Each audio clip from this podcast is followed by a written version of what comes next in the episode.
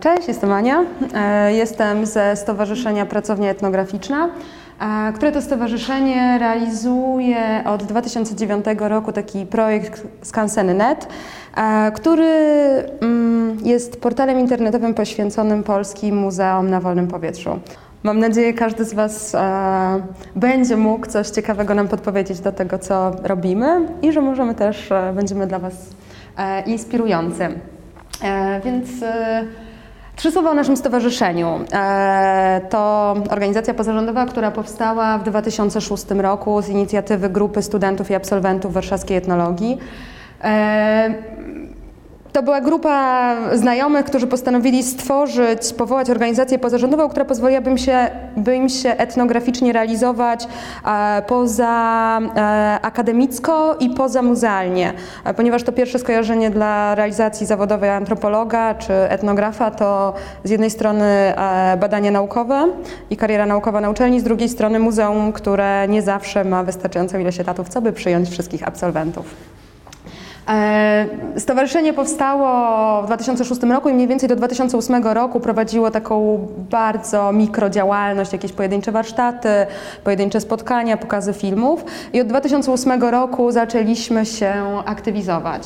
E, obecnie stowarzyszenie liczy 40 członków. E, są to głównie ludzie po etnologii, ale nie tylko, są także kulturoznawcy czy orientaliści. I to, co myślę nas wyróżnia, to to, że nasza działalność jest finansowana głównie e, z dotacji. My nie prowadzimy 1%, nie prowadzimy też działalności odpłatnej, e, ponieważ gdy stowarzyszenie było powoływane, nikt w statucie tego nie ujął. Nie zakładaliśmy. E, ja nie zakładałam tego stowarzyszenia, więc członkowie założyciele i członkinie założycielki nie zakładali, że stowarzyszenie może się tak rozwinąć i że będzie taka potrzeba. Teraz wprowadzamy te zmiany, więc, więc mamy nadzieję, że to się też zmieni. Cele naszego stowarzyszenia to budowanie postaw otwartości i tolerancji, rozumienia własnej kultury, przełamywanie stereotypów i umiejętności, odczytywania kodów kulturowych i posługiwania się nimi, wspieranie i pielęgnowanie dziedzictwa kulturowego, promocja etnologii jako nauki, pobudzanie i wspieranie twórczych inicjatyw lokalnych mających na celu komunikację społeczną, wspieranie i uwrażliwianie na odbiór zjawisk kulturowych i integrowanie środowiska młodych badaczy. E, I mm, te nowe technologie, mm, z powodu których tu się dzisiaj spotykamy, one od początku były dla nas gdzieś narzędziem, jednym z narzędzi do realizacji tych celów. Z jednej strony my realizujemy projekty a, związane mm, czy z wykorzystywaniem nowych technologii, czy z dokumentowaniem a, cyfryzowaniem dziedzictwa kulturowego, bardzo różnie rozumianego. Z drugiej strony prowadzimy szereg projektów edukacyjnych bazujących na takich uwrażliwiających e, warsztatach e, animacyjnych, czy też robimy badania po prostu. E, jaka jest historia skansenów.net? E, historia skansenów.net e, nie jest bezpośrednio związana z, z digitalizacją dziedzictwa, tylko z jakby takim bardzo przyziemnym problemem. W 2008 roku zadzwoniła do mnie koleżanka, która powiedziała w niedzielne popołudnie, gdzie jest najbliższy mi skansen? Jestem pod Siedlcami, powiedz, gdzie możemy pojechać z rodziną do skansenu? Jest niedzielne popołudnie, dzień wolny od pracy, gdzie jest najbliższy skansen? Co tam się dzisiaj dzieje? I e, czy on dzisiaj działa? I jakie są ceny biletów? Pomyśleliśmy wtedy w stowarzyszeniu, że faktycznie e, Znamy różne muzea na wolnym powietrzu, różne skanseny, e, ale nie ma takiego miejsca. Każdy z tych skansenów ma swoją stronę internetową, ale nie ma takiego miejsca, gdzie informacje o nich, ich działalności byłyby zgromadzone w jednym miejscu. Gdzie jest mapa, na którą możemy spojrzeć i będziemy wiedzieć, gdzie jest ten najbliższy skansen. E, też e, Przygotowując się do projektu, wymyślając go, zauważyliśmy, że też jest swoisty konflikt pomiędzy państwowymi, pomiędzy muzeami prowadzonymi przez e, e, jednostki samorządowe i prywatnymi czy też społecznymi inicjatywami, które są traktowane przez te e, publiczne muzea finansowane ze środków publicznych jako konkurencja. Także konkurencja zwiedzających i tym samym, samym kupujących bilety, współfinansują, współfinansujące działalność tych muzeów. Więc, e, więc e, uznaliśmy, że warto byłoby pokazać w jednym miejscu, zgromadzić w jednym miejscu te wszystkie muzea, zarówno te, e, te samorządowe, jak i te społeczne czy prywatne. Zauważyliśmy, że właśnie jest potrzebna mapa skansenów, gdzie te wszystkie muzea można byłoby znaleźć w jednym miejscu i zobaczyć je, zwizualizować sobie to po pierwsze ile ich jest, a po drugie gdzie one się znajdują, jak daleko są właśnie od tego miejsca, gdzie w danym momencie jesteśmy.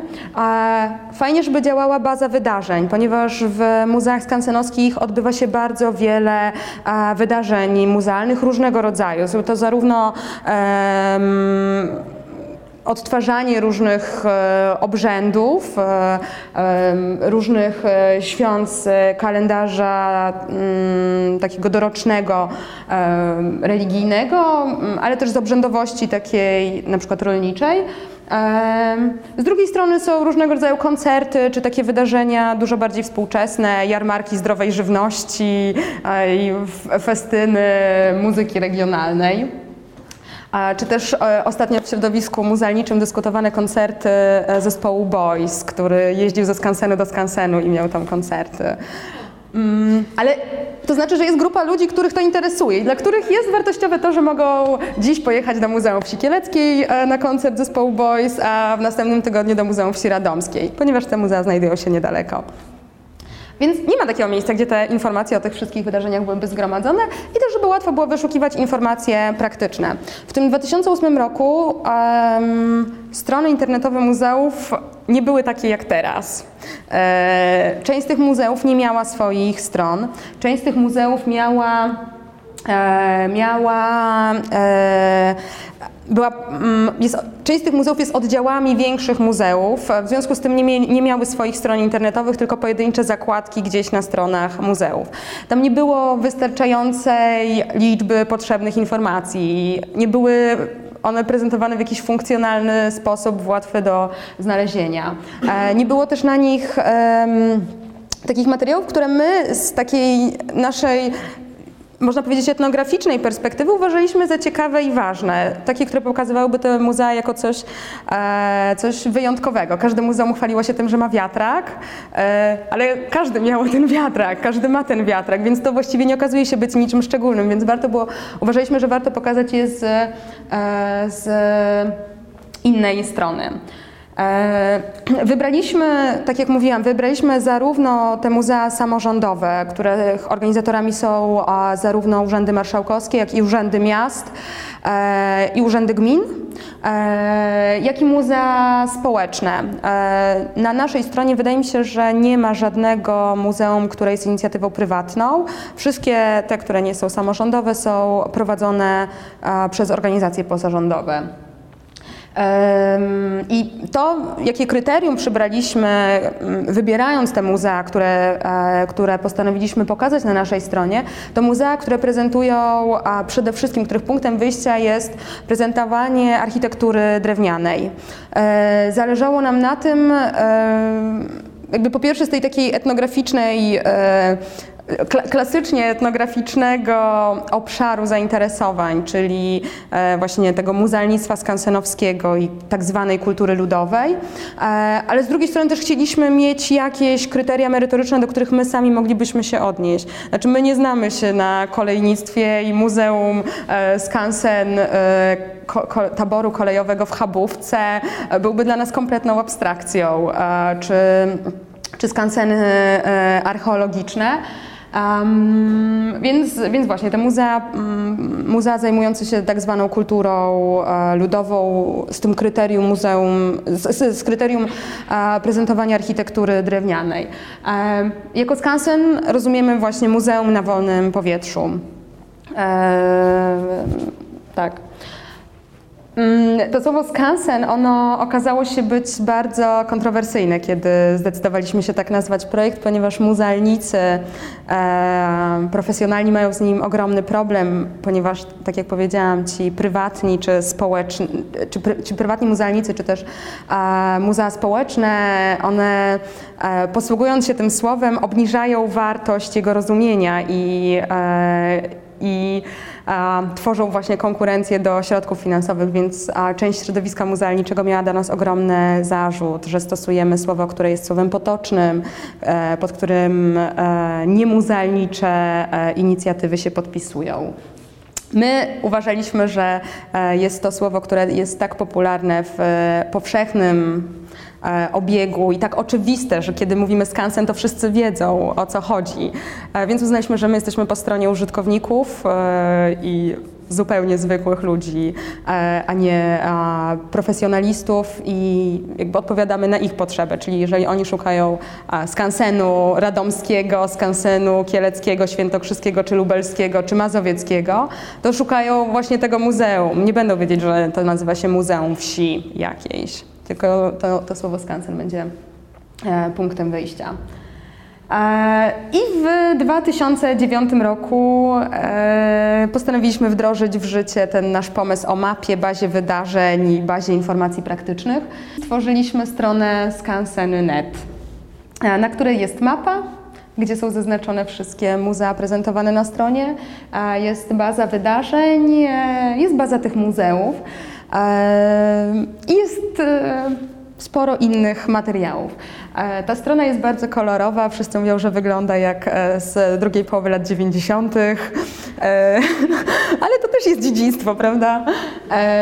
Dlatego, że my nie znaliśmy, my, my kompletnie nie funkcjonowaliśmy jakby w świecie internetowym. My zajmowaliśmy się skansenami, badaniami jakościowymi, a nie tym, jak fajnie zrobić stronę internetową.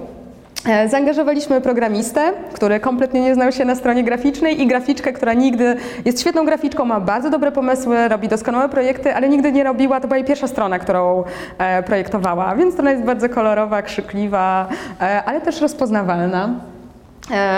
Teraz pracujemy nad jej zmianą po czterech latach, bo też wiemy, że dla niektórych użytkowników jest dość agresywna, ale taka była i, e, i została zapamiętana. Jak kompletna jest ta baza? Mm, w sensie wiecie, że to już w miarę są Wszystkie? Tak, myślę, że tak. To znaczy, to też jest tak, że e, kiedy ta strona, kiedy my pisaliśmy pierwszy wniosek, ponieważ e, dostaliśmy na ten projekt grant z Ministerstwa Kultury w 2009 roku, czyli w 2008 go przygotowaliśmy, e, od tego czasu powstało kilka nowych muzeów, ponieważ finansowanie ze środków unijnych 2007-2013 e, było Wtedy było dopiero na etapie jakby rozwoju i w tym czasie powstało kilka nowych e, muzeów. Muzeum w e, Swołowie, to jest na Pomorzu, muzeum w mm, na Żywiecczyźnie e, i Muzeum w Kwiatówku, oddział Muzeum Archeologicznego i Etnograficznego w Łodzi. Więc na przestrzeni tych kilku lat ostatnich pojawiło się kilka nowych muzeów, które my e, czy już uzupełniliśmy, czy będziemy uzupełniać w najbliższym czasie. Jakby specyfika polskiego muzealnictwa skansenowskiego jest taka, że e, my nie mamy jednego, nie mamy w Polsce jednego głównego muzeum skansenowskiego. W innych krajach, tutaj w Europie Środkowo-Wschodniej, to funkcjonuje w ten sposób, że w Kijowie, w Mińsku, e, w Rydze, w Bukareszcie, w Budapeszcie e, są duże muzea, które pokazują architekturę z całego kraju. W Polsce nie ma takiego muzeum, tylko są muzea muzea e, regionalne. Mm, głównie odnoszące się do województw, e, jakby do podziału administracyjnego z lat 60., ponieważ najwięcej muzeów e, skansenowskich, taki najsilniejszy rozwój, czy w ogóle projektowanie tej idei było w latach 60. Muzea powstawały wcześniej. Pierwsze polskie, pierwsze muzeum skansenowskie na terenie dzisiejszej Polski powstało we Wdzydzach Kiszewskich w 1906 roku. Kolejne muzeum to Muzeum w Olsztynku, które powstało wtedy w Prusach e, i które w 1945 e, weszło w, w administrację pod administrację polską i muzeum w Nowogrodzie, ale takie strategiczne projektowanie muzealnictwa skansenowskiego nastąpiło w latach e, pod koniec lat 50. i 60., co też było związane z budową takiej polityki kulturalnej i tożsamościowej różnych regionów e, w Polsce. Mm. Czy macie jakieś pytania? To jeszcze mogę coś dopowiedzieć. Na blogu skansenowym są głównie wiadomości e, z muzeów, takie, których nie umieszczamy w wydarzeniach, czyli na przykład dotyczące lekcji muzealnych, e, czy jakichś wystaw, wernisaży, które się dzieją, ponieważ w wydarzeniach mamy głównie e, właśnie te jednorazowe wydarzenia, takie akcyjne. Kiedy wymyślaliśmy to, jak to miało działać, nie zakładaliśmy, że Właśnie będzie potrzeba informowania o tym, że są lekcje muzealne. Lekcje muzealne w skansenach e, są lekcjami sezonowymi, czyli e, w grudniu wszystkie, czy większość muzeów, część muzeów ma warsztaty świąteczne, w ramach których e, przygotowuje się ozdoby świąteczne e, i mm, e, wycina z opłatków na przykład. A wiosną jest robienie palm i e, malowanie jajek, ale te warsztaty, one są jakby programowo w czasie dwóch tygodni pomiędzy 1 grudnia a 14 po dwie grupy dziennie i trzeba się odpowiednio zapisywać, ponieważ te muzea nie mają mm, jakby możliwości przestrzennych i dla nich zorganizowanie warsztatu jest bardzo e, praco i czasochłonne, ponieważ wymaga na przykład ogrzania jakiejś chałupy, żeby te warsztaty mogły odbyć się w środku. Więc musieliśmy znaleźć przestrzeń i możliwość tego, jak informować o takich e, wydarzeniach. Więc to jest jedna rzecz, która znajduje się na blogu, a druga to są w tym roku zaczęliśmy wprowadzać takie analityczne teksty, mniej lub bardziej analityczne, które pokazują skanseny z innej strony. E, I są tam na przykład artykuły poświęcone nowym inwestycjom w skansenach, ponieważ tych środków unijnych e, we niemal wszystkich samorządowych muzeach pojawiły się bardzo duże inwestycje, w ramach których budowano czy przenoszono całe kompleksy architektoniczne, e, czy całe sektory powstawały? I mm, myślę, że od momentu, kiedy dany skansen powstawał, nie było tak dużych inwestycji, e, że to był bardzo duży, silny rozwój dla E, dla muzeów, e, o zwierzętach w skansenach, o bioróżnorodności, e, o planach filmowych w skansenach, ponieważ mm, wbrew pozorom w tych muzeach bardzo wiele się dzieje i główną grupą odwiedzających to jest duże wyzwanie dla skansenów. Znaczy to są przede wszystkim wycieczki szkolne, E, i grupy zorganizowane w ciągu roku, a druga grupa to są uczestnicy e, wydarzeń tych niedzielnych. E, stąd jakby Twoje doświadczenie, że byliście w Skansenie, domyślam się, że w ciągu tygodnia. Piątek. Tak. I to są dni, kiedy wakacje to Nikogo, właśnie kilku, kilkunastu zwiedzających, a w weekendy kilka tysięcy, szczególnie jak są te wydarzenia. To jest e, takie wyzwanie, które mają muzealnicy, e, właśnie ci samorządowi, ponieważ e, samorząd oczekuje od nich, że będzie się zwiększać liczba odwiedzających, ale ci odwiedzający nie przychodzą tam po to, żeby obejrzeć zbiory muzealne, tylko przychodzą, bo jest koncert boysów. Dobrze, żeby poszli obejrzeć zbiory, e, ale nie zawsze to się dzieje. Z drugiej strony są właśnie wycieczki szkolne e, czy kolonie, które coraz częściej uczestniczą nie w zwiedzaniu, bo taki, taka przebieżka po skansenie to jest żadna atrakcja, tylko zaczynają uczestniczyć w jakiegoś rodzaju warsztatach, które odbywają się w muzeum i wtedy jakby to jest to wychowywanie sobie odbiorcy. Oni zobaczą, że tam jest fajnie e, i na, będąc, na, jakby będąc na wycieczce szkolnej mając 13 lat, kiedy będą mieć 23, to będą pamiętać, żebyśmy tam, w tym Sanoku chyba, to był skansen, więc i tam było strasznie fajnie, to może tam wrócimy.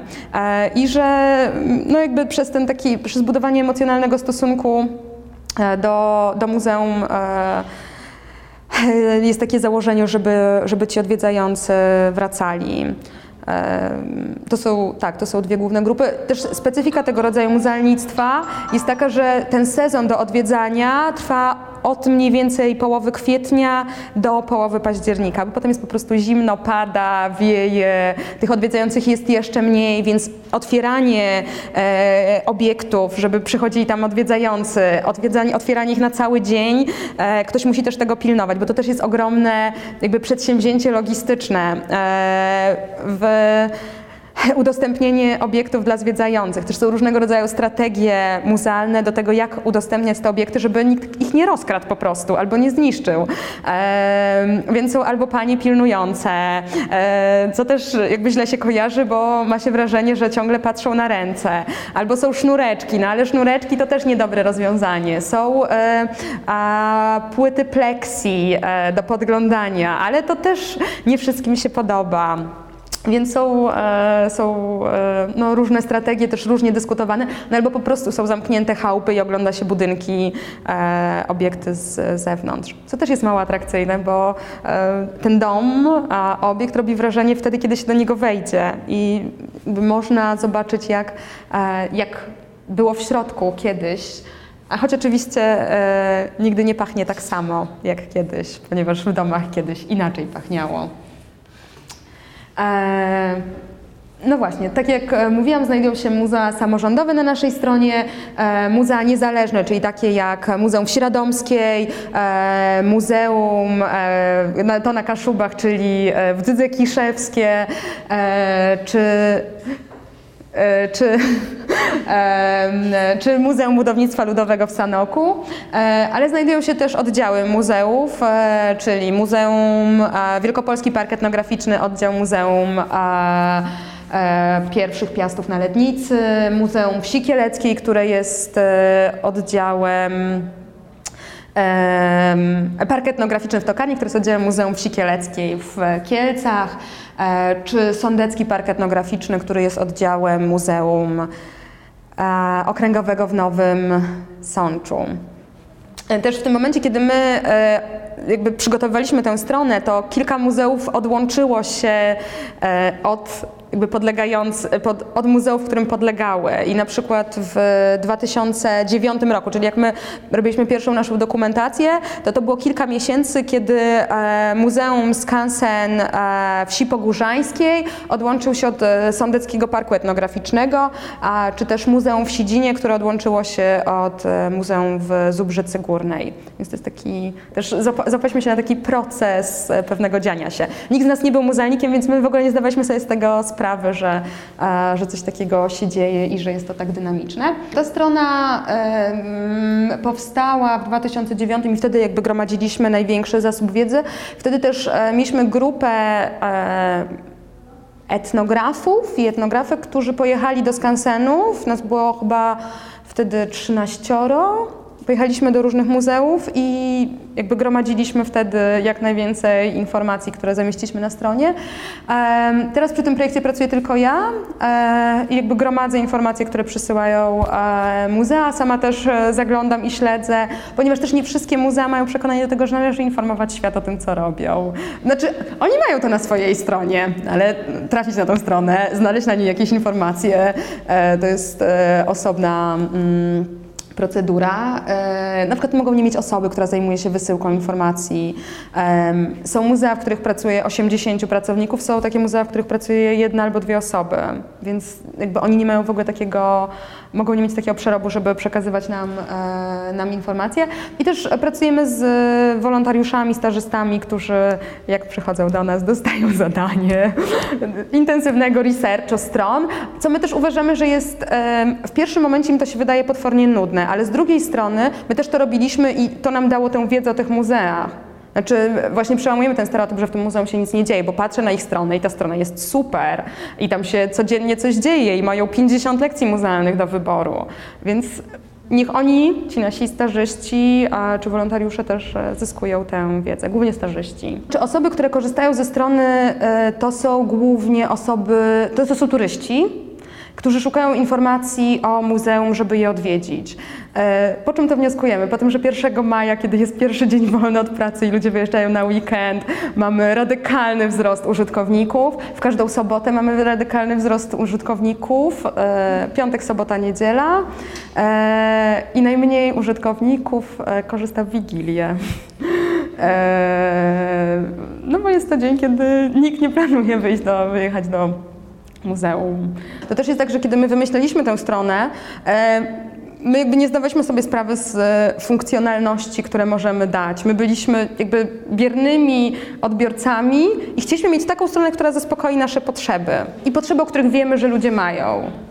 E, więc, więc takie było założenie. Tak.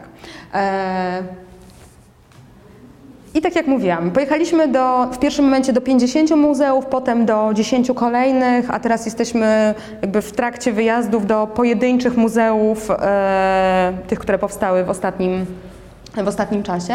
E, I każde muzeum na tej stronie posiada opis, taką etnograficzną opowieść przygotowaną przez osobę, która tam pojechała.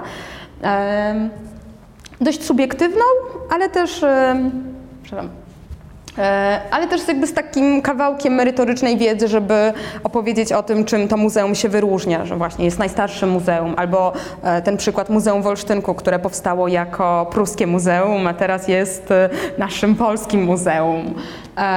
W każdym muzeum było robiona, była robiona dokumentacja fotograficzna, to było minimum 50 zdjęć i na każdej podstronie muzeum jest mapa z zaznaczonym tym muzeum. I tak jak powiedziałam, E, na początku pracowało z nami 13 osób. No i ja miałam w ogóle jakby szczytne założenie, że no jak przecież każdy etnograf kocha skansen. Przecież skansen to jest takie świetne muzeum i każdy będzie wiedział, jak należy przygotować tę dokumentację. No i to, były, to było złe założenie, e, ponieważ e, mm, ci nasi współpracownicy to nie wszyscy byli członkowie stowarzyszenia robili bardzo złe zdjęcia, bardzo złej jakości, mało ciekawe. E, część z tych zdjęć to były takie skansenowe powidoki, a nam zależało na tym, żeby pokazać ten, tę merytoryczną wartość tego muzeum, ponieważ to muzeum to nie jest muzeum ze zbiorem starych chałup, tylko ono prezentuje konkretne rozwiązania architektoniczne, konkretne obiekty, te przedmioty, które są gromadzone jako wyposażenie, e, które jakby z jakiegoś powodu są wartościowe i żeby pokazać tę wartość e, tych konkretnych zbiorów, a nie jakieś takie pseudopowidoki muzealne, no bo jakby nie, nie temu miało, miała służyć baza zdjęć, którą my sobie wymyśliliśmy, e, że chcielibyśmy, żeby tej stronie właśnie towarzyszyła baza taka merytoryczna fotografii, z których każdy będzie mógł skorzystać e, w prezentacjach, w pracach zaliczeniowych, w uczeniu się o tym, jak wygląda wygląda architektura. E, to też wynikało jakby z naszych e, akademickich doświadczeń. E, kiedy ja studiowałam na etnologii, były jeszcze zajęcia profesora Pokropka. To była słynna postać w instytucie. Specjalista od właśnie architektury drewnianej, któremu pokazywało się zdjęcie i on wiedział, kto mieszkał w tym domu, kiedy on był zbudowany i w którym roku został przeniesiony do którego skansenu. E, ale te zdjęcia, on miał swoje odbitki i pokazywał je na zajęciach, e, no ale one potem wracały do jego archiwum i, i, nikt nie mógł ich oglądać, żeby jakby pogłębiać tę swoją wiedzę o architekturze.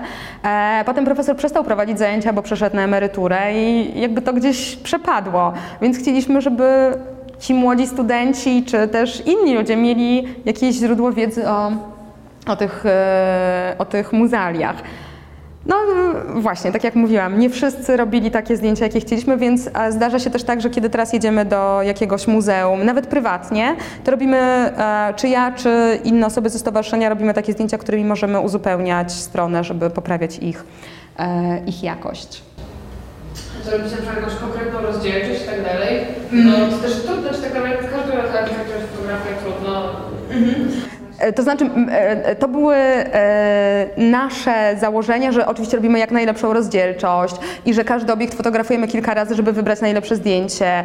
Ja tak robiłam, ale nie wszyscy tak robili. I jechali do muzeum, gdzie jest 50 obiektów architektonicznych i przywozili 50 fotografii, bo oni wykonali 50 fotografii.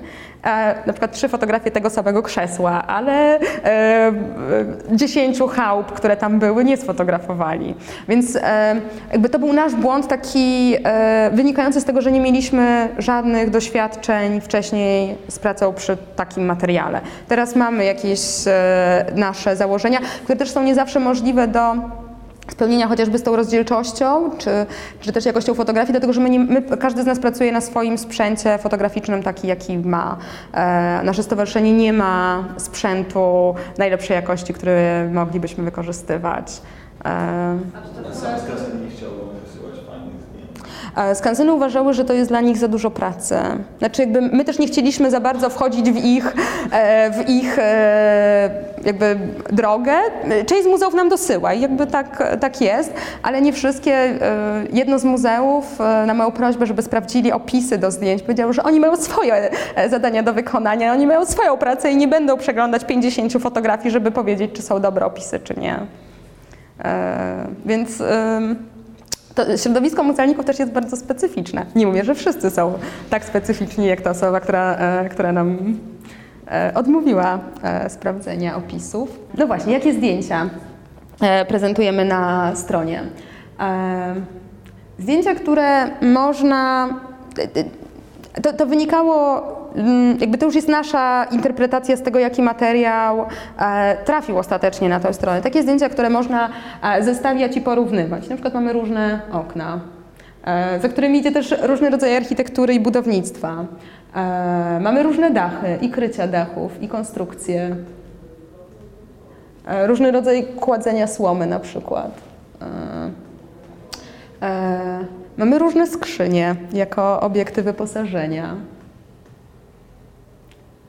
Różne wiatraki. To jest ciekawy przykład, taki e, małopolski, gdzie wiatraki nie są dużymi wiatrakami e, typu koźlak czy paltrak, tylko takimi malutkimi wiatraczkami, które wyglądają jak e, wychodek.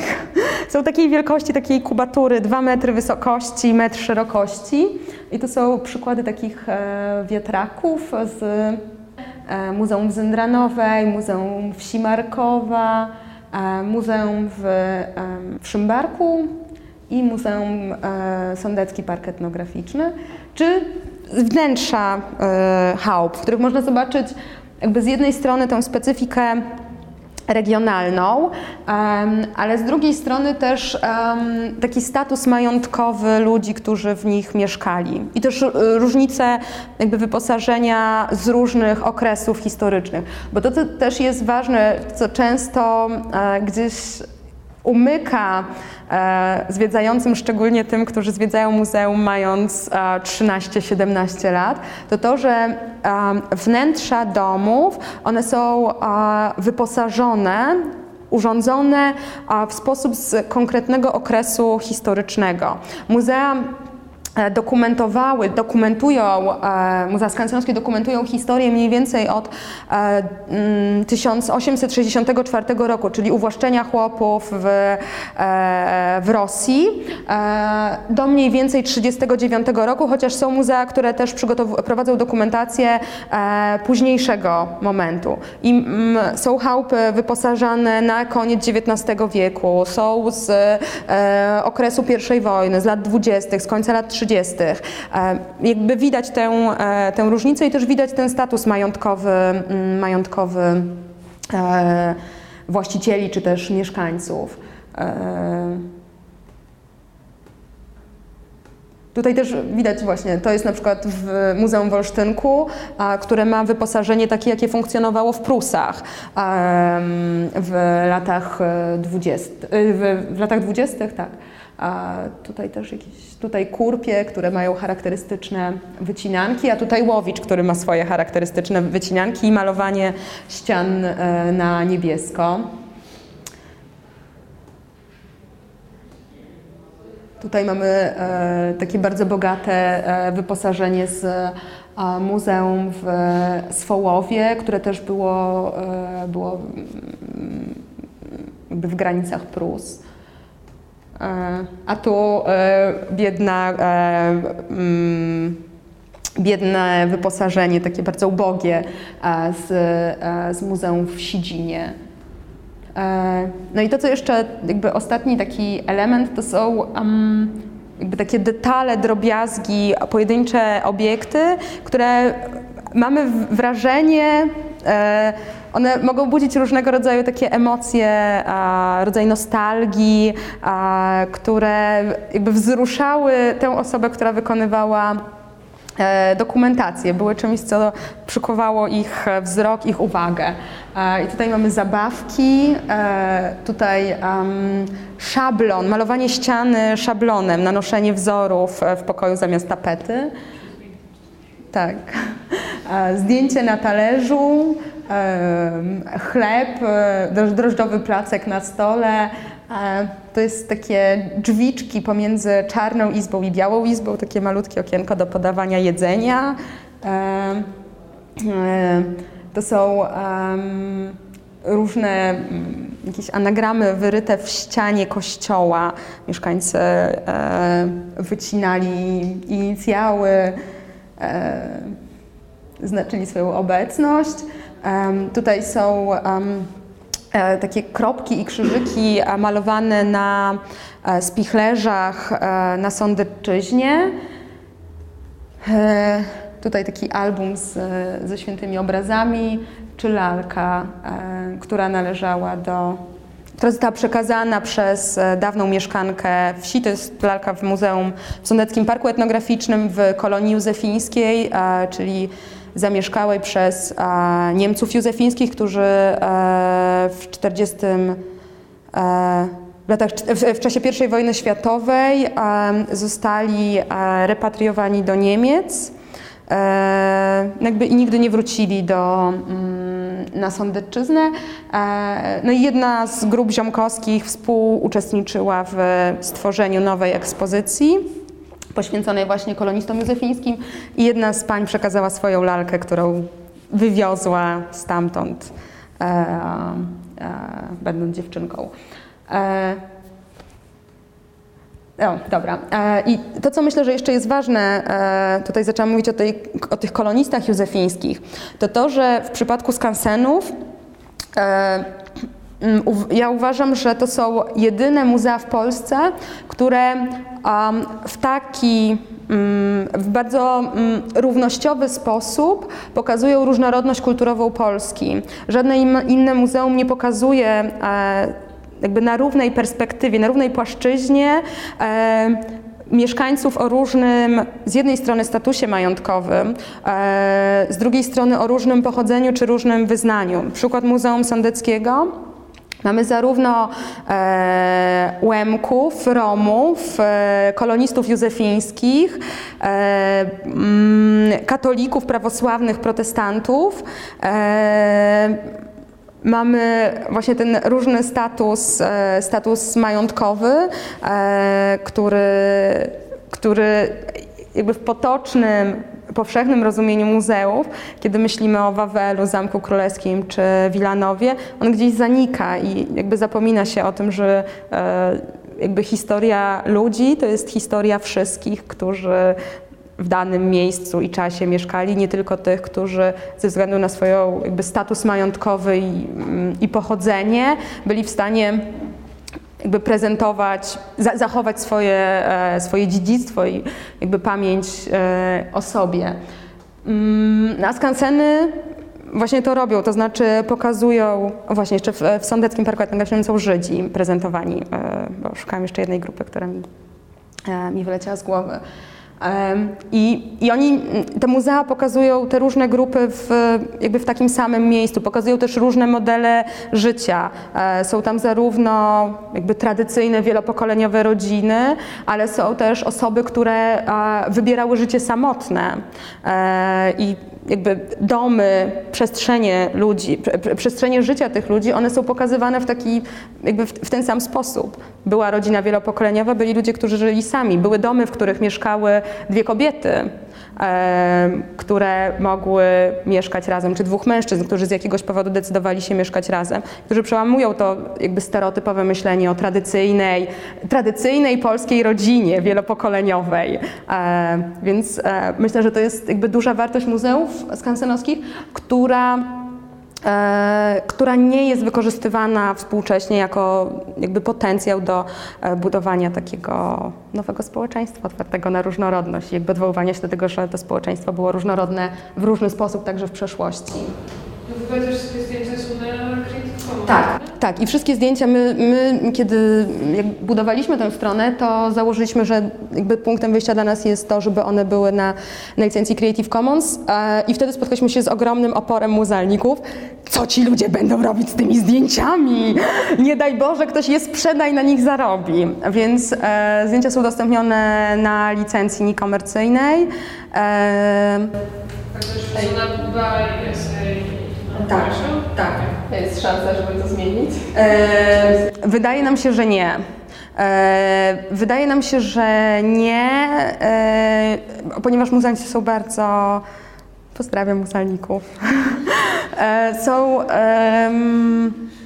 są jakby bardzo przywiązani do tych swoich zbiorów. E, i... to wy robiliście zdjęcia. Tak. Z perspektywy prawa autorskiego. E, e, tak. Tak, my też to wiemy, a jednocześnie chcąc, e, jakby szanując ich potrzeby, e, które też są tymi potrzebami finansowymi, e, też to rozumiemy, bo sytuacja finansowa muzeów jest bardzo trudna. Te, i, za, I muzeów społecznych, i, e, i tych samorządowych, e, te dotacje, które muzea otrzymują, często nie wystarczają na pokrycie jakby bieżących kosztów. Więc to jest, e, rozumiemy te potrzeby finansowe. Też wchodzi nowe pokolenie muzealników, to znaczy ludzi, którzy są e, no, w naszym wieku, bo też sytuacja, szczególnie trudna sytuacja finansowa muzeów była w latach 90. i na początku 2000 i wtedy też nie zatrudniano nowych kadr.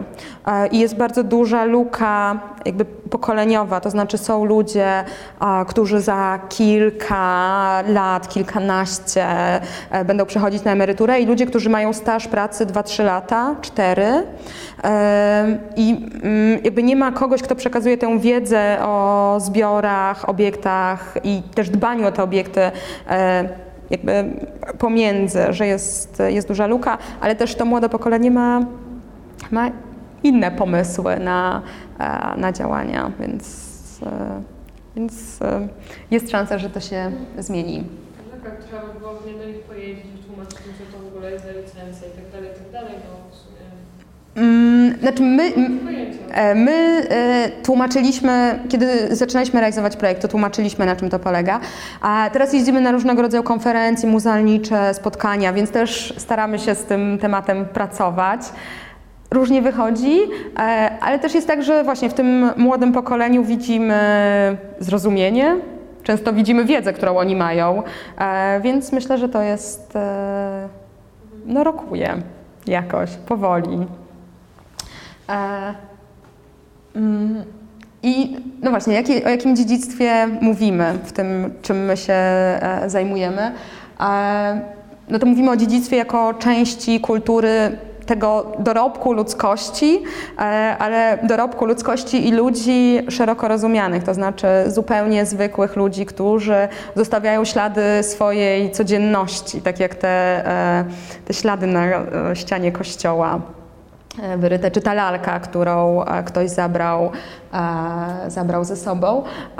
I też to, na czym nam zależy, kiedy mówimy o tym, e, o tym dziedzictwie, to to, żeby pokazywać e, jakby, jak najró- najbardziej różnorodną jego perspektywę.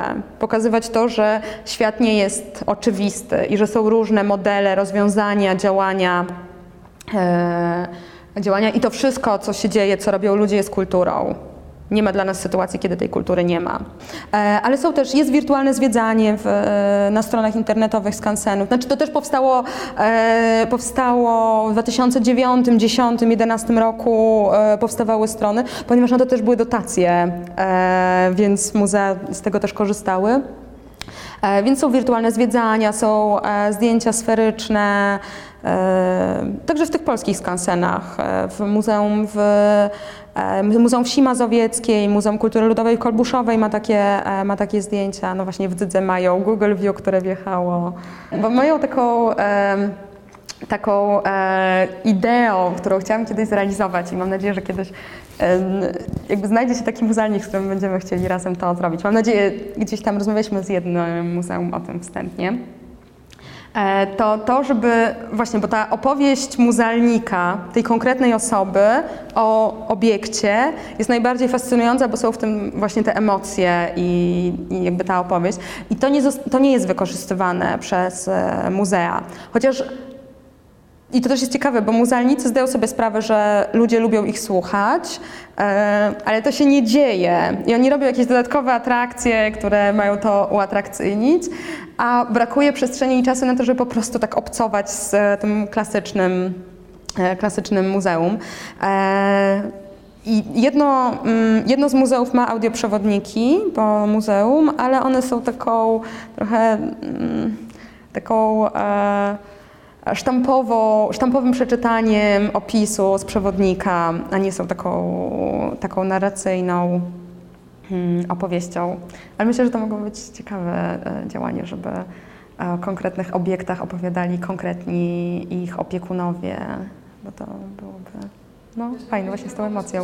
Zanim się jeszcze zaczął wtorek o tym, jak digitalizować takie rzeczy, których się po prostu nie skanuje właśnie Mhm. i nie wiem, czy na przykład kroje jakieś, w sensie, że mogłam tak było wycinać modele i potem na podstawie Mhm. kroju coś szyć, albo właśnie robić jakieś takie też, e, nie wiem, nawet krótkie filmy, które tłumaczą, jak coś tam właśnie produkować i tak dalej, czy E, To ciekawe, że o tym mówisz, bo chciałam Wam pokazać jeszcze kilka innych projektów, które zrobiliśmy. E, Jeden z tych projektów dotyczy szycia. E, I na tej stronie w tym roku jeszcze zostaną zamieszczone wykroje do strojów i wykroje i wzory haftów. Teraz są wzory haftów, ale one są jakby fotografiami haftów, a e, chcemy, żeby były takie wzory, które można sobie ściągać i, i robić takim bardziej em, nie, nie dla fachowca, który widzi wzór i potrafi go przenieść, tylko, tylko potrafi. wzory będą na już w ogóle niczym, a czym polskie wziąć i ciąć po prostu. Tak. Czy to jest domena publiczna? Tak, tak. E, I mm, drugi projekt, e, który planujemy poszerzać w przyszłym roku, my robimy cykl warsztatów e, dla przedszkolaków i ich rodziców, takich warsztatów rękodzielniczych odwołujących się do do tej tak zwanej polskiej kultury ludowej i też do kultur światowych. I chcemy, żeby były takie instruktażowe filmiki, jak robić różne te przedmioty sobie w domu ze swoim dzieckiem albo cudzym dzieckiem, którym się zajmujemy. I To jak my e, jakby rozumiemy dziedzictwo, to raczej staramy się mm, jakby współcześnie na nie spojrzeć e, i tworzyć sobie z nimi jakiś rodzaj dialogu. To nie jest tak, że my uważamy, że teraz wszyscy mają się przeprowadzić, wró- wrócić do mieszkania w tradycyjnych drewnianych chałupach, tylko zastanawiać się, jakby co nam daje i mówi o nas i naszej przyszłości to, że ktoś z naszych przodków mieszkał w takiej drewnianej chałupie, albo co nasi przodkowie zrobili z tymi drewnianymi chałupami, do których się przeprowadzili, bo zostali przesiedleni, e, czy jakby zajęli jakąś e, przestrzeń. I raczej, i przy innych projektach, to też zaraz o nich opowiem, raczej staramy się z tym, e, z tym negocjować, ale też mm, współpracujemy z Stowarzyszeniem Dom Tańca, które zajmuje się uczeniem tradycyjnych tańców. E, Czy współpracujemy z mm, Towarzystwem Etnograficznym e, Białoruskim, to jest białoruska organizacja mm, Studenckie Towarzystwo Etnograficzne, e, które zajmuje się mm, jakby też odtwarzaniem e, dawnych technik e, rzemieślniczych. Więc my sami tym się nie zajmujemy, ale jakby jesteśmy w, we współpracy. Mhm. Tak. Dziedzictwo za kilkadziesiąt lat, nawet jeśli będzie dobrze konserwowane, Mhm. to To prawda, Mm, to prawda, bo jakby to, ta umiejętność technicznie rzemieślnicza, ona, ona jest e, zagrożona. Stąd też są różne działania związane z e, ochroną dziedzictwa niematerialnego, które robi, e, które jakby inicjuje UNESCO i Polska teraz przez Narodowy Instytut Dziedzictwa jakby podejmuje z tym różnego rodzaju działania, żeby chronić nie to, co jest materialne, tylko właśnie niematerialne, czyli różnego rodzaju umiejętności czy rzeczy, które e, jakby przepadają, bo ludzie przestają to robić albo przestają o tym pamiętać. Mm, więc tak. Tak. No więc e, inne nasze projekty. E, projekt, który wyrósł ze skansenów, ale jest właściwie zupełnie inną, e, innym przedsięwzięciem, to jest strona o strojach ludowych. Po naszych doświadczeniach skansenowych odezwała się do nas emerytowana pracowniczka Warszawskiego Muzeum Etnograficznego, specjalistka od strojów, która powiedziała: Mam mega wiedzę o strojach, wy zrobiliście świetną stronę, zróbmy teraz razem stronę o strojach. I ona przygotowuje dla, nas, e, przygotowuje dla nas opisy zdjęć, pozyskuje dla nas materiały ikonograficzne z muzeów. E, I na tej stronie są, e, są właśnie stroje z różnych regionów etnograficznych, które jakby w tych kategoriach różnorodności my postanowiliśmy spojrzeć na granice Polski bardzo szeroko, czyli zarówno są to granice współczesnej Polski, gdzie jakby XIX-wiecznej, e, gdzie, na którą nakładają się zarówno też granice e, II Rzeczpospolitej i też jakby jeszcze szersze granice, które gdzieś tam w XIX wieku obejmowały część Królestwa Polskiego, czy kongresówki, czy też czy też e, te, e, te, te galicyjskie. Więc mamy tu zarówno hucułów, jak i e, strój dolnośląski, czy strój warmiński. E, więc, e, więc są właśnie różne regiony, są stroje męskie, kobiece i na tej stronie są um, przede wszystkim, e, jest przede wszystkim, są to opisy i jest ikonografia e, i są to zarówno archiwalne zdjęcia z lat 30. czy 40. i e, zdjęcia współczesne jako aranżacje strojów e, muzealnych i zdjęcia obiektów, e, obiektów muzealnych, konkretnych elementów strojów. E, I temu projektowi, no on jest cyfrowy, ale my uważamy, że jakby ważny jest też ten kontakt rzemieślniczy i dotykanie różnych rzeczy. Robimy warsztaty szycia, a strojów inspirowanych strojami ludowymi. Zapraszamy do dużego pokoju, gdzie mamy biuro, a dziewczyny z maszynami do szycia. Zapraszamy dziewczyny, które chcą sobie coś uszyć i sobie szyją spodnie e, z materiału garniturowego, które są wzorowane na spodniach e, męskich, łowickich na przykład. I też będą, i są warsztaty tkactwa i haftu płaskiego. A materiałem promocyjnym niestety nie mam, ale zapraszam za tydzień do dużego pokoju. Są takie torby z haftem wilanowskim ze wsi Wilanów pod Warszawą, ponieważ Pałac Wilanowie, o którym już mówiłam, miał też e, jakby chłopstwo, które przy tym pałacu pracowało, miało też swój strój ludowy, e, na którym na strojach kobiecych, na koszulach i chustach był czarny haft, właśnie taki. I za tydzień będą w dużym pokoju takie torby, niestety nam się skończyły i teraz czekamy na dodruk. E, a tu są materiały, które miałam e, dać, e, czyli nasza ulotka strojowa e, i ulotka e, skansenowa.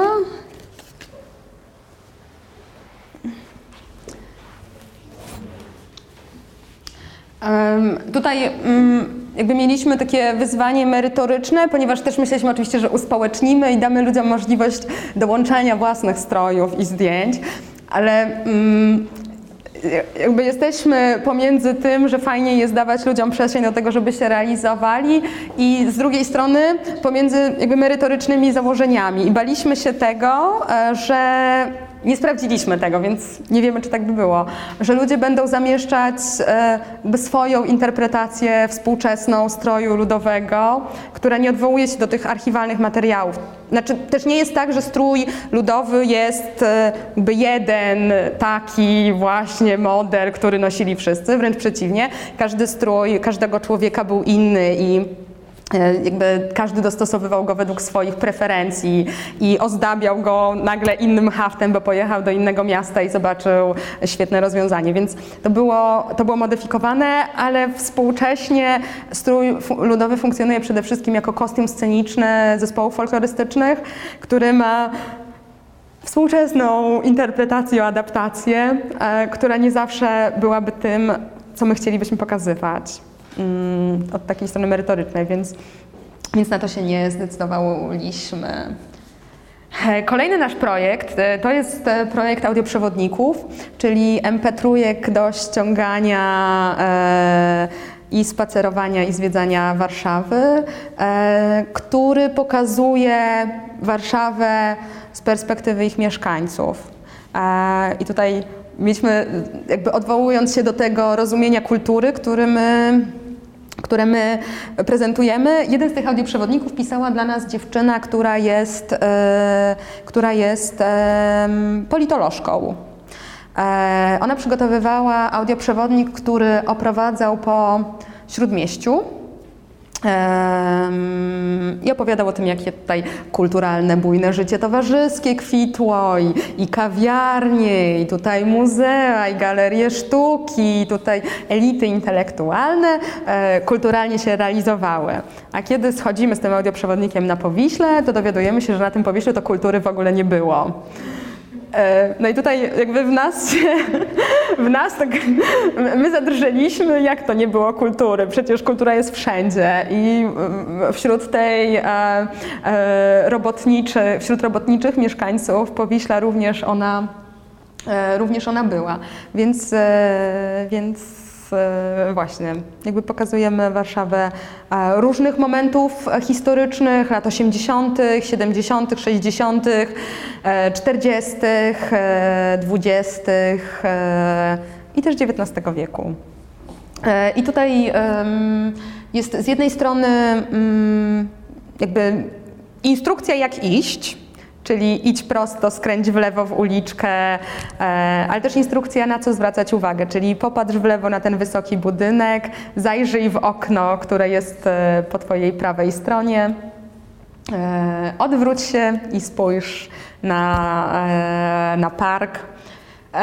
Są informacje takie faktograficzne, historyczne, też jakieś elementy opisu takiego historyczno-sztucznego, ale również są materiały archiwalne różnego rodzaju, zarówno wspomnienia świadków historii, które nagrywaliśmy my albo pozyskiwaliśmy z różnych archiwów historii mówionej, przykład Domu Spotkań z Historią czy Muzeum e, Warszawskiej Pragi, E, A z drugiej strony jakby materiały źródłowe, na przykład e, wspomnienie, wypowiedź Piłsudskiego dotycząca radia i jego nagrywania e, głosu, e, czy materiały e, dźwiękowe z epoki, e, na przykład fragmenty piosenek, które wykorzystywaliśmy e, jako e, przez prawo cytatu e, bo to było dyskutowane. No i w związku z tym, że korzystaliśmy z różnych zewnętrznych źródeł, to nie mogliśmy ich udostępnić na wolnych licencjach. E, Jest dziewięć audioprzewodników różnych, są po polsku i po angielsku e, za darmo i jest do nich aplikacja. E, Więc jeżeli chcecie, to zapraszam na spacer. Możecie też o nich opowiadać innym osobom. I można na te spacery iść o dowolnej porze, e, e, bo trasy są dostosowane do, do jakby możliwości różnych czasowych. Um, ostatni projekt, który myślę, że może być najbardziej inspirujący, jakby rokuje dla nas wszystkich na wspólną przyszłość, to etnoprojekt, a polsko-białoruskie inspiracje w designie młodych. To jest projekt, e, który nie jest bardzo nowotechnologiczny. E, jest projektem inspiracyjnym, w ramach którego grupa młodych polskich projektantów i młodych białoruskich projektantów spotyka się e, i jedzie w teren inspirować się tak zwaną kulturą ludową, czyli odwiedzamy różne skanseny twórców ludowych po to, żeby pokazać, czym była i czym żyli, co było ważne dla ludzi w przeszłości, dla tych zupełnie zwykłych ludzi. E, Więc e, ci, ci uczestnicy, uczestniczki inspirują się zarówno wzornictwem, projektowaniem, ale też różnego rodzaju wartościami, stylami życia, e, modelami mm, jakby ro- rozwiązań różnego rodzaju. Tak? I projektują jakieś współczesne rzeczy, rozwiązania, które jakby bazują na tym, co zobaczyli, czego się dowiedzieli. Oni jeżdżą po Polsce i po Białorusi, taka objazdówka trwa dwa tygodnie. E, W tym roku odbywała się po raz trzeci. E, To są różne grupy, które co roku są, e, są nowe. I żebyście mogli zobaczyć o co chodzi, przywiozłam, przyniosłam katalogi z ostatniego projektu. E, Mm, jakby to są głównie, te projekty, żaden z tych projektów, e, mm, jakby my, my ich nie wdrażamy w życie, one są po prostu projektami takimi e, graficzno-nie ide, ideowymi do, do wdrożenia. Dlatego, że my nie mamy na to środków. Tak, tak, tak. Em, wiem, że z pierwszego projektu, z, z pierwszego etnoprojektu i z drugiego etnoprojektu, po jednym projekcie jakby sami e, siłą swojego uporu e, autorzy je zrealizowali, albo jakby pracują gdzieś tam inspirując się. Wiemy, że dziewczyna, która brała udział w etnoprojekcie, zajęła drugie miejsce w konkursie na logo ro, lo, roku Krone, e, Kolberga, który był teraz ogłaszany, więc gdzieś tam ta inspiracja ludowa jej została.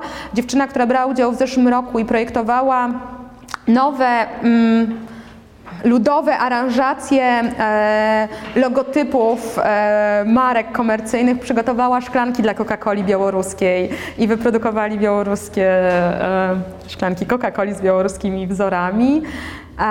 I też wiem, że z pierwszego etnoprojektu był jeden z projektów wdrożony.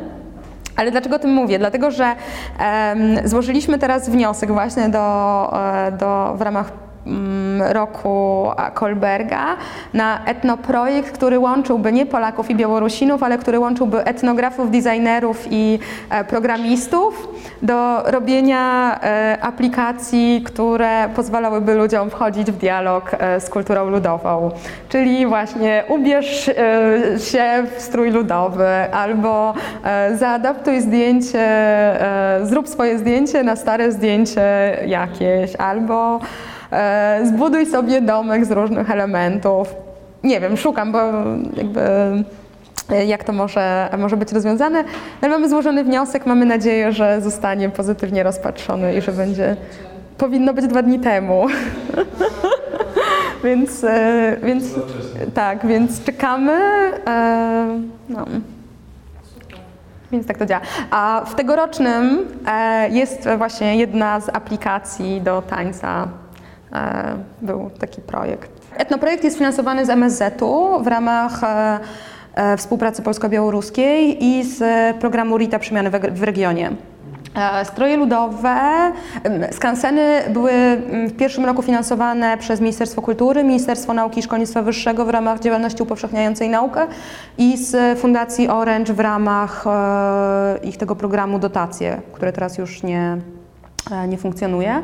E, Potem były finansowane przez Ministerstwo Kultury raz i mm, jakby teraz co roku jest jakaś dotacja z Ministerstwa Nauki. E, Stroje ludowe również są finansowane przez Ministerstwo Kultury i przez Ministerstwo Nauki i e, przez, raz mieliśmy dotację z Urzędu Miasta mm, Stołecznego Warszawy w ramach tej części warsztatowej, e, z Urzędu Marszałkowskiego Województwa Mazowieckiego, bo uzupełnialiśmy stronę o stroje mazowieckie. W tym roku mamy, znaczy w 2014 mamy nadzieję, że, że uda nam się pozyskać z innych województw, które są bogate w stroje, e, czyli małopolskie albo podkarpackie. Mm, e, I który jeszcze? Audioprzewodniki były finansowane przez Urząd Miasta Stołecznego Warszawy i przez Fundację Kronenberga, Fundację Brebanku i przez e, Trust for Civil Society. Nasz zespół jest bardzo różnorodny y, i mm, jakby bardzo dużo osób, e, zespół całego stowarzyszenia, jakby osób, które pracują przy różnych projektach jest bardzo szeroki i te osoby mają bardzo różne kompetencje i różną wiedzę dotyczącą jakby różnych obszarów aktywności, więc e, osoby, które merytorycznie i organizacyjnie odpowiadają za stronę strojów ludowych, kompletnie nie znają się na promocji. Totalnie. E, więc e, jakby jest całym dużym przedsięwzięciem i procesem zorganizowanie działań promocyjnych do tej strony. E, czy... Mm, czy w drugą stronę osoby, które są świetne promocyjnie, e, kuleją merytorycznie. Więc e, jakby podejmujemy różne działania, które, dzięki którym możemy to jakoś łączyć i zazębiać, więc mamy na naszej stronie są linkowane wiadomości z bloga i blog na naszej stronie gdzieś tam jest też podczepiany i w drugą stronę i na różnych e, profilach naszych na Facebooku też staramy się to podlinkowywać i łączyć, czyli że i mm, i jakby profil e, etnoprojektu na Facebooku linkuje nasze rzeczy ze skansenów, skanseny linkują etnoprojekt, wszystko linkuje stowarzyszenie, więc... Głównie uczestniczą w warsztatach dziewczyny, e, ale zdarzają się, że przychodzą chłopcy. E, Mieliśmy też instruktora chłopaka. One przychodzą właśnie dlatego, że jest y, jakby ruch, zainteresowanie tym, żeby szyć, e, żeby robić rękodzielniczo, tak jak robiło się kiedyś, E, ale kiedyś to znaczy raczej w czasach e, młodości naszych rodziców, którzy sobie szyli, robili. Raczej. Tak, e, ra, raczej tak. Em, to mm, jakby jako, jakie mamy założenie jest takie, że my chcemy pokazać im, że ten strój, te elementy stroju, e, że one mogą być aktualne nadal dzisiaj w różny sposób. E, I mm, to, te osoby, które uczestniczą w warsztatach, one szyją albo na tradycyjnych wykrojach ze współczesnych materiałów, albo na tradycyjnych materiałach coś bardziej, e, bardziej współczesnego. Częściej jest współczesne materiały e, i tradycyjny e, tradycyjny wykrój. Tych wykrojów nie jest dużo, ponieważ to też jest wyzwanie dla tych instruktorek szycia, które muszą pracować z, z kilkoma osobami, które, z których każda sobie coś wymyśla, więc są spodnie, spódnica, taki, taki kabotek, i to chyba wszystko, tak mi się wydaje. Więc ty, ty, tych modeli nie jest dużo, ale są różne tkaniny, z których można, można je szyć. I to, co my jakby dodajemy do tego, to jest prezentacja, w ramach której opowiadamy o tym, czym były te stroje, jak funkcjonowały, jak wyglądały, jak się zmieniały, e, jak właśnie były dostosowywane do różnych potrzeb, preferencji, czy jak funkcjonowały poszczególne elementy, jak zanikały. Wśród muzealników jest e, silna refleksja nad tym, co i w jaki sposób e, pokazywać i jak zachęcać ludzi do, mm, do jakby odwiedzania i do kontaktu z obiektem muzealnym. Znaczy jest na pewno zagrożenie takiej banalizacji. Myślę, że ono już, e, e, banalizacji kultury ludowej, myślę, że ono już e, jakby zaistniało poprzez chociażby jakby bardzo powszechne wykorzystywanie motywów z wycinanki łowickiej na filcowych torbach, czy e, tego materiału takiego paratybetowego, czyli tych kwiatów e, na chustach, spódnicach, e, nausznikach. Więc jakby z jednej strony jest to, tak myślę, jak, jakiś rodzaj takiej banalizacji i uproszczenia, że e, nosimy takie ludowo inspirowane nauszniki, mm, a z drugiej strony myślę, że są grupy ludzi, dla których jakby można sięgać w bardziej twórczy sposób i że mm, myślę, że wręcz przeciwnie, znaczy, że, że jest tak, że ten ruch regionalny że on staje się coraz silniejszy w różnych, e, w różnych miejscach. Oczywiście to nie jest tak, że on nagle zaleje, ale że będą ludzie, dla których ten, ten, ta lokalność będzie, myślę, ważna i jakby to indywidualne, indywidualna ludzka twórczość też będzie cenna. Tutaj wracając do tego przykładu filcowych toreb z wycinankami, jest firma, która kupuje wzory od konkretnych wycinankarek, płaci im e, honorarium za wykorzystanie ich wycinanki na ich torbie i podpisuje te torby nazwiskami autorek e, wycinanek, żeby mm, jakby wynagrodzić pracę konkretnej osoby i jej twórczość i jakby koncept. W tym projekcie, w tym projekcie ze strojami ludowymi skupiacie się tylko na strojach gotowych z jakiegoś okresu, czy śledzicie na przykład to, co się dzieje teraz? Te stroje budowe cały Mhm, czas tak. ewoluują, są słynne koronki i tam różne rzeczy. Ta sztuka budowa cały czas istnieje i ona się rozwija w lepszym lub gorszym stopniu, coś tam sobie jest. Nie, my staramy się, s- s- koncentrujemy się na jakby minionym stroju, mm, na tym w jaki sposób on funkcjonuje obecnie w muzeach czy w zbiorach muzealnych. I jakby jest, e, jest rozumiany tak, od tej muzealniczej strony.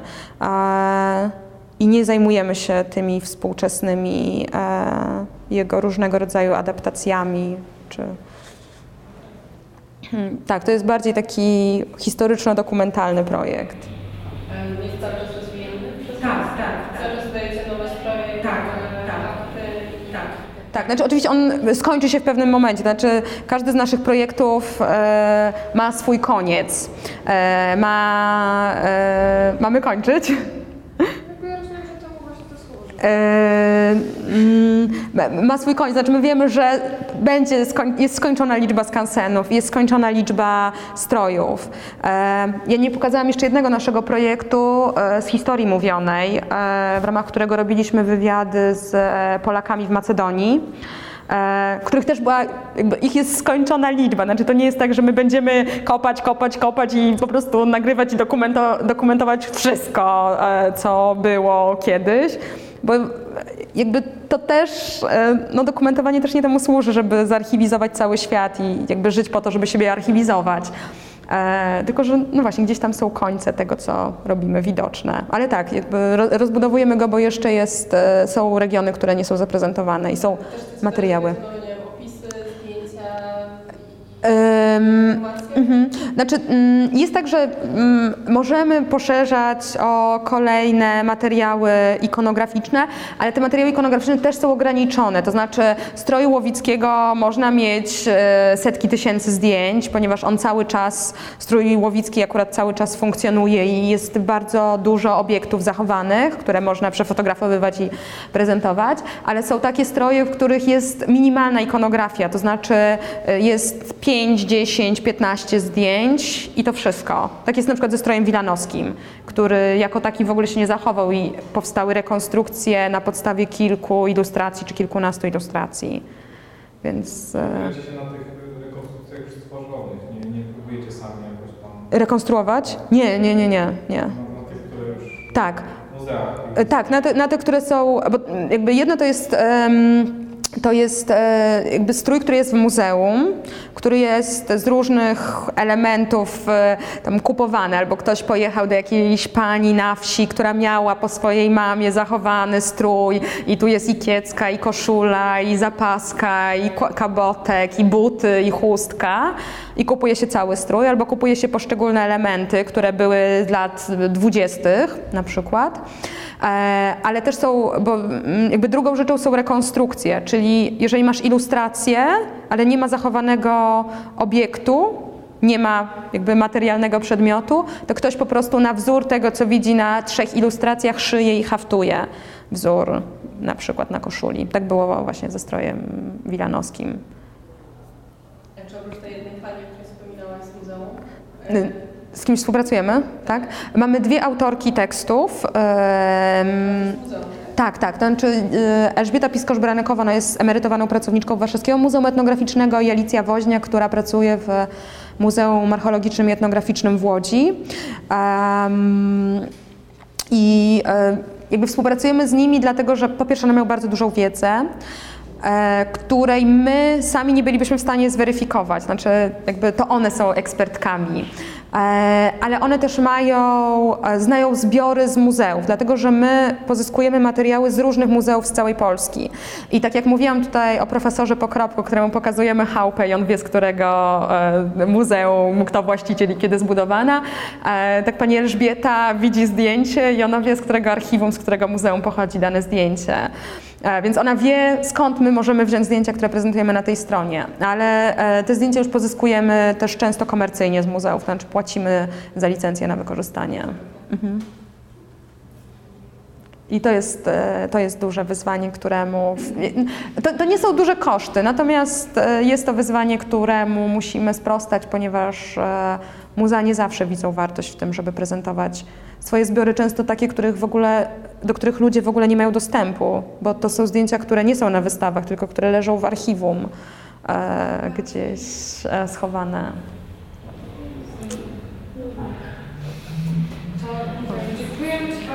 To ja dziękuję.